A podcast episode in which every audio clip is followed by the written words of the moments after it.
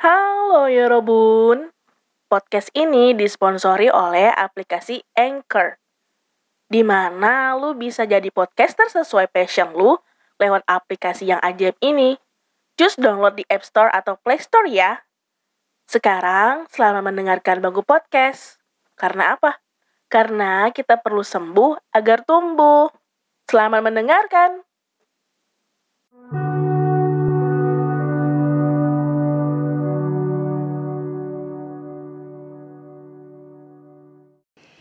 Hai, kalian apa kabar?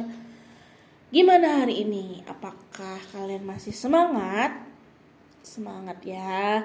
Semoga hari ini kalian dilancarkan. Semoga kalian tetap sehat. Uh, dimudahkan segala urusannya dan terus dikuatkan pribadinya, dirinya juga supaya kalian bisa menghadapi apa pun yang ada di depan kalian. Semangat! By the way, maafin banget gue udah lama gak upload podcast sekitar satu mingguan lebih ya. Karena gue sedang dirundung duka. Kebetulan satu minggu yang lalu Bapak Sambung atau Bapak Tiri gue telah meninggal dunia secara mendadak yang bikin satu keluarga bener-bener tidak percaya dan sedihnya tuh nyesek aja gitu kan. Karena menurut gue gini sih kalau kita kehilangan dan yang ke yang meninggal itu tuh meninggalnya karena sakit kita tuh masih bisa ya kayak ya kamu udah ya um, kalau kamu mau pergi pergi aja. Pokoknya kita tuh adalah kata-kata untuk perpisahan gitu kan. Tapi kalau misalnya meninggalnya secara tiba-tiba tuh kayak kita tuh nggak padahal si paginya tuh masih bisa bercanda jangankan siang atau apa mungkin satu jam kemudian tuh kita udah kehilangan dia dan itu tuh yang bener-bener bikin shock banget gitu. Jadi gue harap kalian bisa uh, apa ya belajarlah dari hal-hal yang kayak gini bahwa jarak antar kita dengan kematian tuh cuman satu sentimeter doang dan kalian harus bisa terus memanfaatkan atau meluangkan waktu kalian demi orang-orang yang kalian sayang. Kalau misalnya kalian punya pacar, kalau bisa lagi pergi atau sedang mau pulang ke rumah masing-masing, jangan dalam keadaan marah, marah tuh jangan berlarut-larut lah. Terus kalau kalian pasangan suami istri kalau bisa setiap suaminya pul apa berangkat kerja itu kalian tuh dalam keadaan baik-baik aja. Pamitan, cium tangan, cipika-cipiki, pokoknya dalam keadaan baik gitu loh, tidak dalam keadaan marah, kesel gitu. Karena kita nggak tahu ya, kita bener-bener nggak tahu umur itu adalah rahasia ilahi gitu oke okay? by the way sebelum um, insiden insiden sebelum hari meninggalnya abah gue menyebut bapak sambung gue dengan abah gue menuliskan beberapa naskah atau tulisan yang ada di pikiran gue yang bener-bener mengganggu banget dan itu entah kenapa itu tuh kayak berkesinambungan gitu loh dengan hal yang terjadi dan hal yang gue dapet setelah meninggalnya bapak sambung gitu. Uh, eh, gue nggak tahu juga nih gimana cara memulainya cuman gue akan menjadikan ini dua episode yang berkesinambungan gitu ya. Dan semoga kalian mengerti semoga kalian paham. Kalau misalnya ada yang baik silahkan ambil sebagai pelajaran sebagai contoh juga kalau misalnya menurut kalian gue jelek gue nggak baik gue buruk silahkan kalian dengarkan saja dan jadikan contoh pembelajaran hidup. Oke? Okay? tulisan pertama gue itu adalah tentang menjadi anak tengah itu sangat menyebalkan. Being a second fucking child is really really suck karena apa?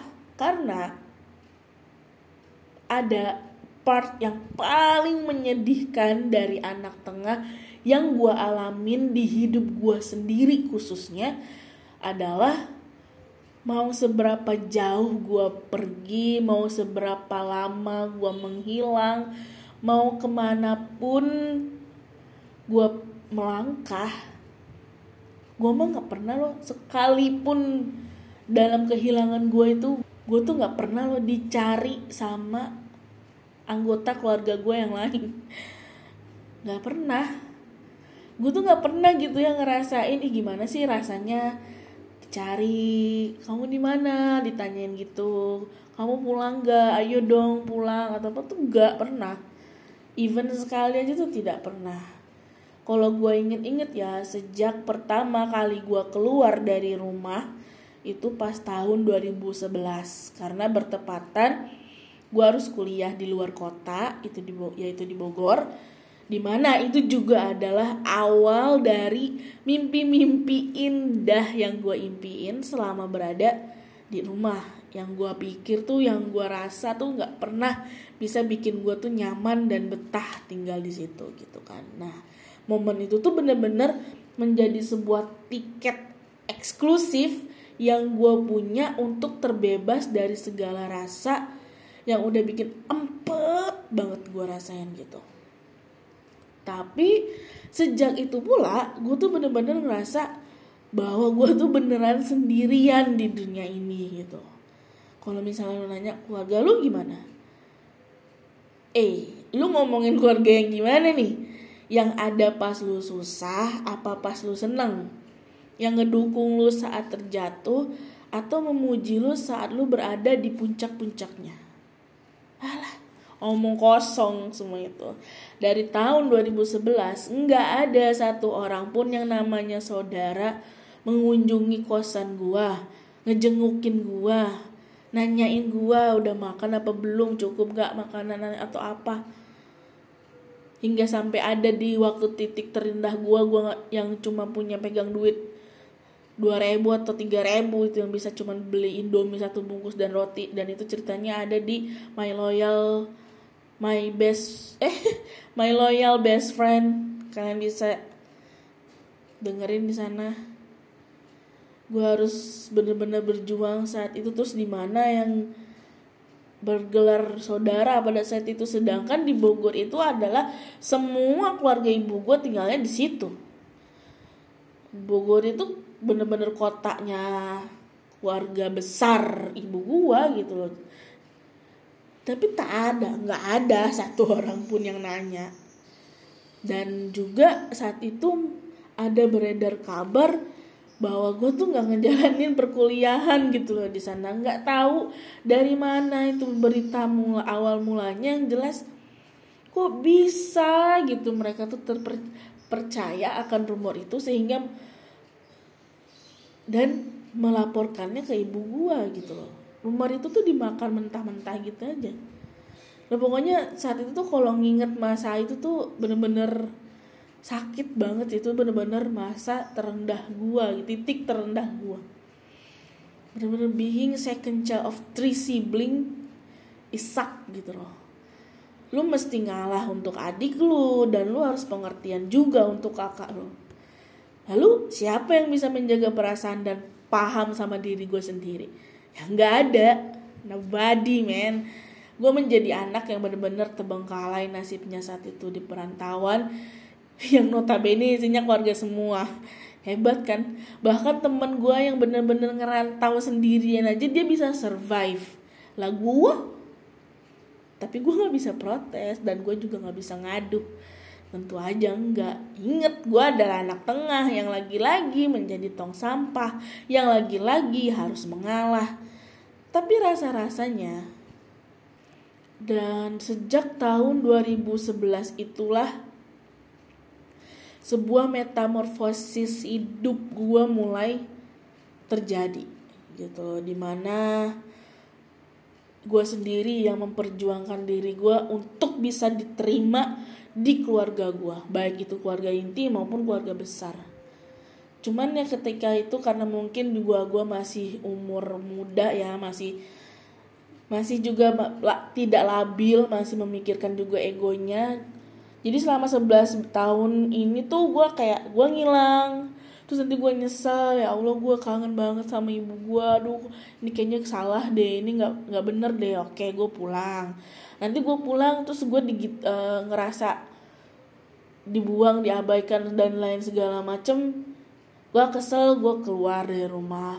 Terus nanti beberapa bulan kemudian gue mikir ini salah nih ini nggak benar nih ini gue rindu banget sama ibu gue gue pulang begitu terus metamorfosisnya sampai 11 tahun berlalu dan gak ada sebiji orang pun yang memahami atau bahkan menginginkan untuk memotong, mengekat, menyudahi perputaran itu gitu. Nobody care. Even one someone aja gitu, gak ada.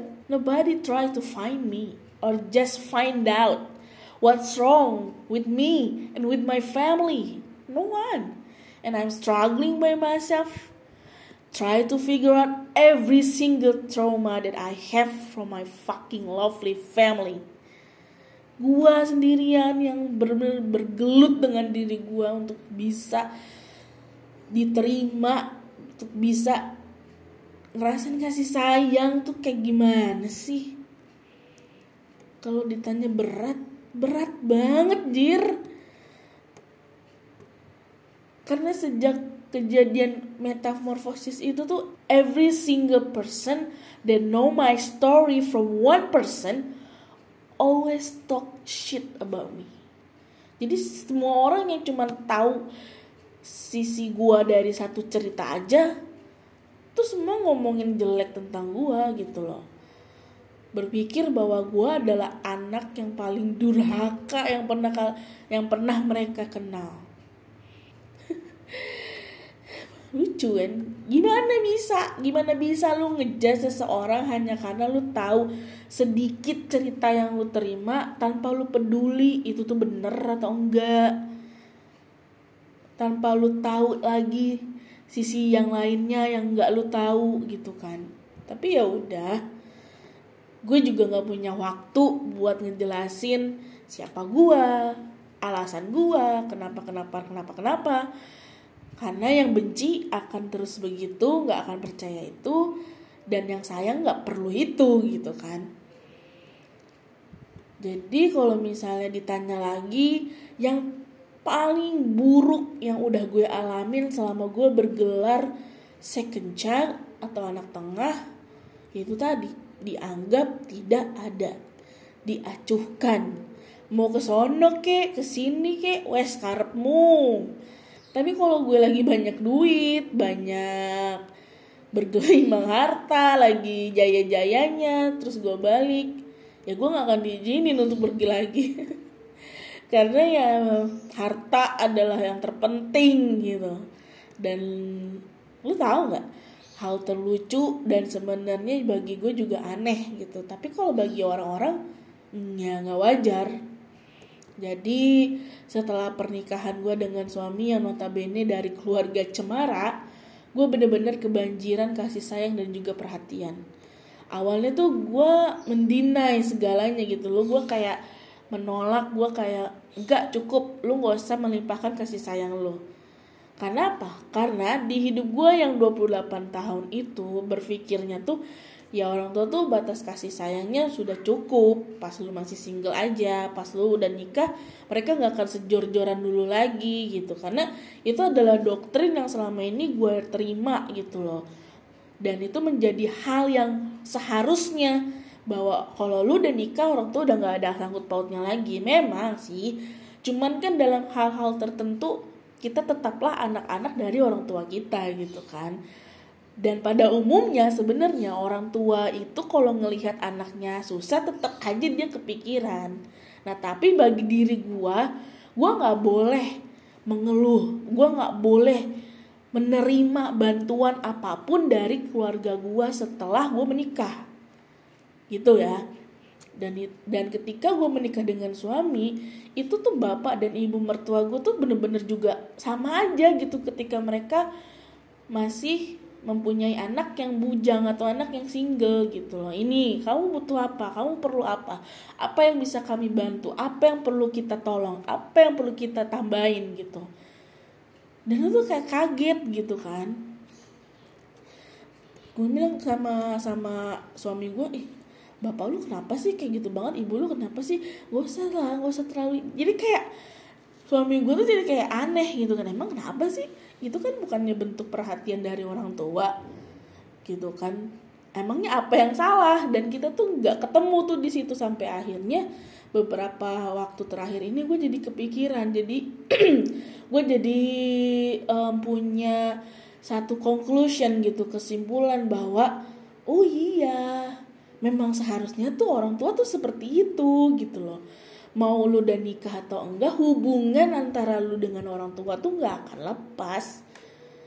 Bukan hubungan darah aja maksudnya hubungan emosional hubungan um, kasih sayang perhatian tuh nggak akan pernah hilang karena lu kan tetap jadi anak dari orang tua lu. Ini juga gue ambil dari beberapa contoh di sekitar gue ya yang rata-rata orang tuanya tuh gitu udah nikah tetap aja perhatian sama anak apalagi kalau udah punya cucu. Wah makin makin perhatiannya gitu.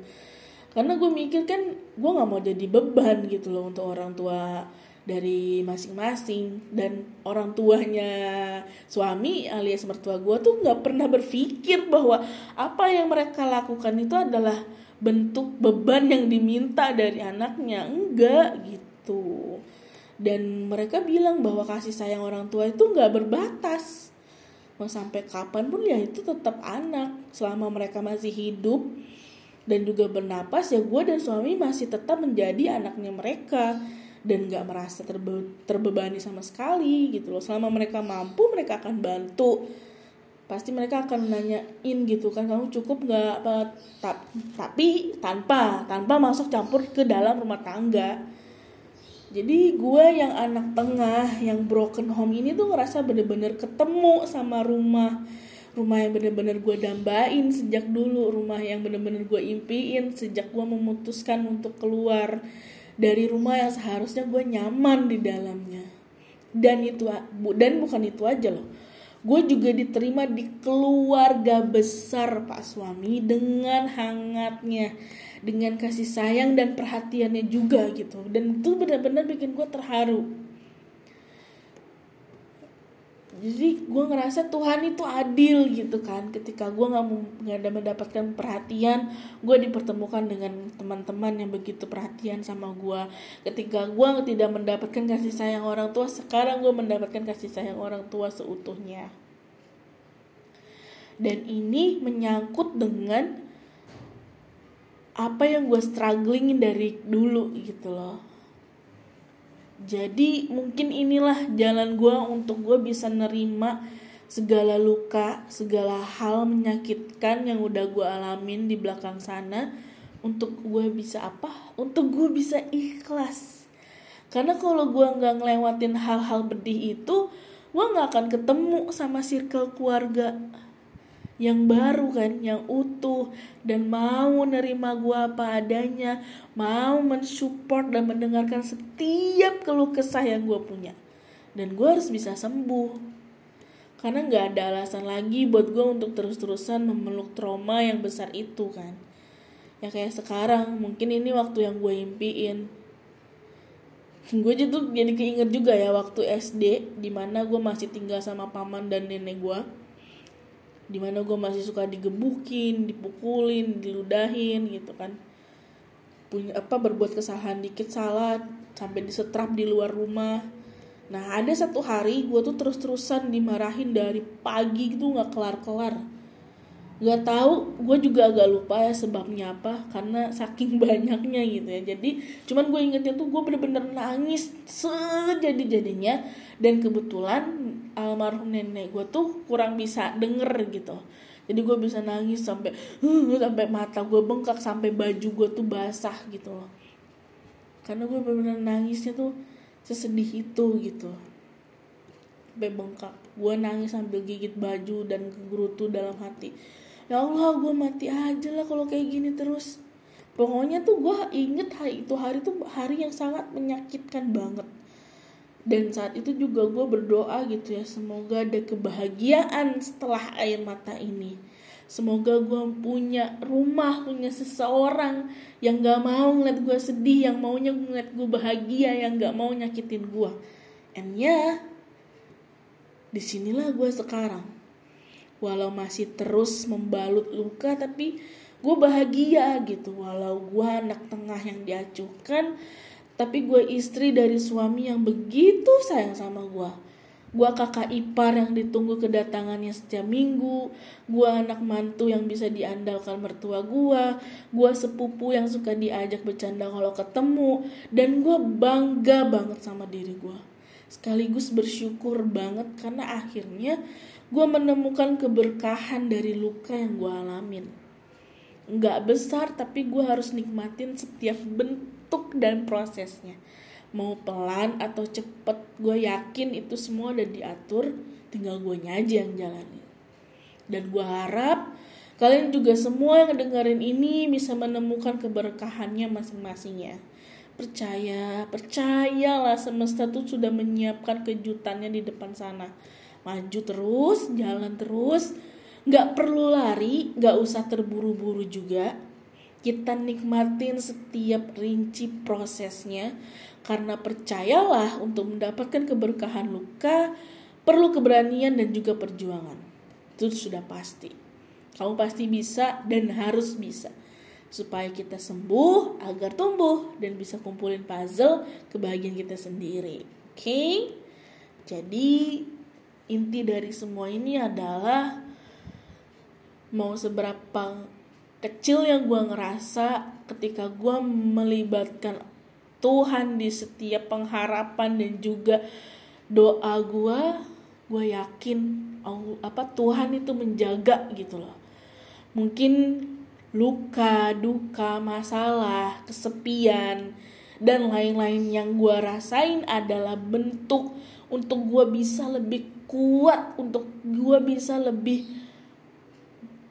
tegar dalam menghadapi hal-hal yang mungkin akan terjadi di depannya nanti. Atau mungkin bisa menjadikan gue pembelajaran hingga gue tidak mau menularkan rasa ini kepada orang lain atau bahkan ke anak gue. Jadi perbandingan antara hitam dan putih dalam hidup gue tuh bener-bener ngebuat gue, oh gue gak boleh menjadi yang hitam, dan gue juga nggak bisa selalu putih tapi setidaknya gue bisa menggabungkan keduanya dan menjadikannya sebuah pembelajaran supaya gue bisa lebih baik ke depannya